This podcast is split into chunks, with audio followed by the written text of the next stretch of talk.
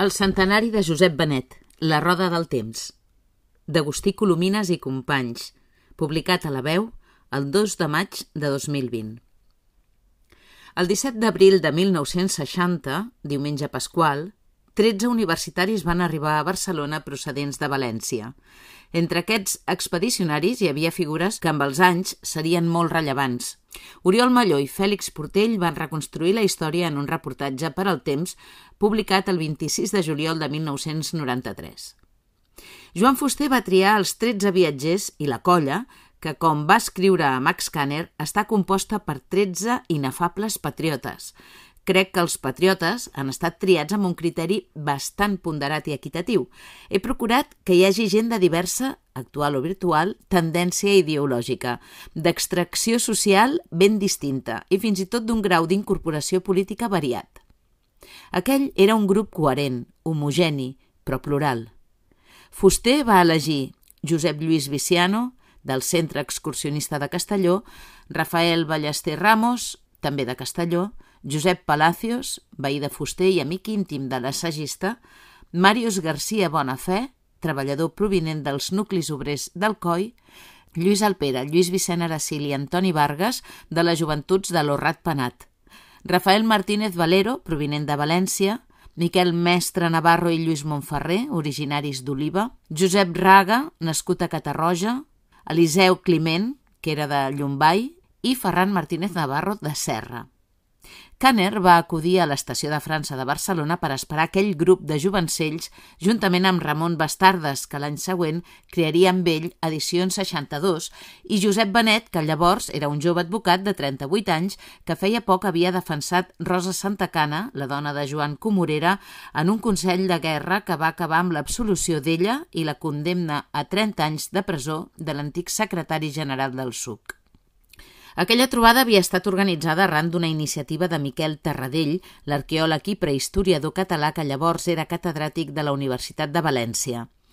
El propòsit de la trobada era diàfan, segons Kanner, estructurar un moviment cultural i nacional catalanista dins i fora de la Universitat Valenciana i, sobretot, estès per totes les comarques del País Valencià amb una decidida vocació de vincular-se a les comunitats dels països catalans.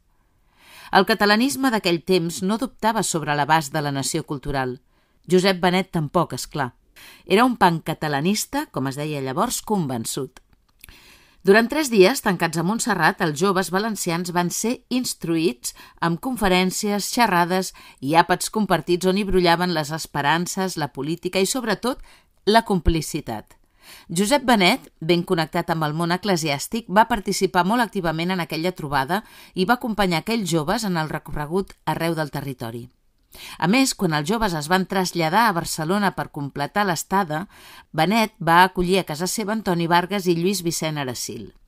Benet tenia al cap la idea que cada part de la nació cultural havia d'encetar una profunda reflexió sobre el passat. De fet, la mà de Benet és rere de la publicació, com a primer llibre d'edicions 62, de Nosaltres els valencians, i més endavant del llibre de Josep Malià, Els mallorquins, per completar el Notícia de Catalunya de Vicenç Vives, a qui admirava.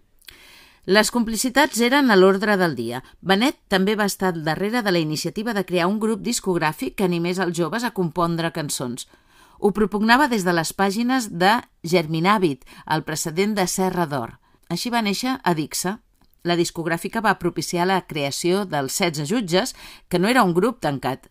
Un dia, concretament el 12 de desembre de 1962, Joan Fuster va viatjar a Barcelona acompanyat d'un jove de 22 anys anomenat Raimon. Benet va fer mans i mànigues perquè aquell noi pogués dedicar-se a la música. Josep Benet era així, un activista, un patriota que sota la negra nit del franquisme es va dedicar a redreçar Catalunya sense oblidar que l'àmbit cultural era molt més ampli. Calia trencar la frontera mental.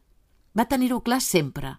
Els col·loquis Catalunya-Castilla, que se celebraven regularment i dels quals Benet era un dels promotors, sempre hi participaven valencians, Vicent Ventura o Alfons Cucó, sobretot.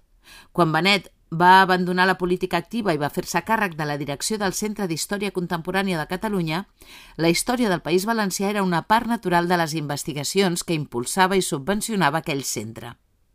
De la mateixa manera que sense l'estímul de Benet no hauria estat possible la magna obra de Joan Villarroia i Josep Maria Soler Sabater sobre el cost humà de la Guerra Civil a Catalunya, Vicent Gavarda tampoc no hauria pogut recuperar la memòria dels valencians assassinats per la dictadura amb els seus magnífics estudis sobre els afusellats a Paterna o els desapareguts en les fosses.